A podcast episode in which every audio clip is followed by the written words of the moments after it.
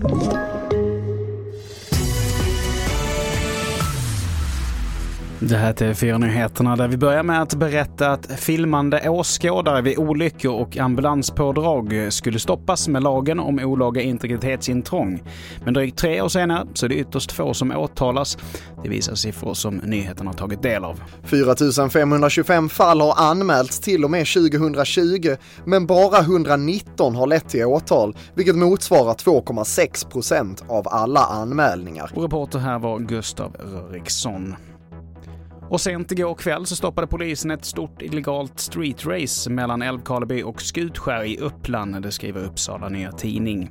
Det ska enligt uppgift ha rört sig om flera hundra bilar och en man i 25-årsåldern ska ha anmälts för blåljussabotage när han blockerade vägen för polisen.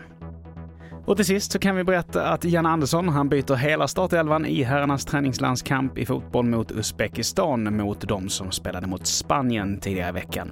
Och matchen den kan du följa på tv4.se idag klockan 15.00. Det var det senaste från TV4 Nyheterna. Jag heter Mattias Nordgren.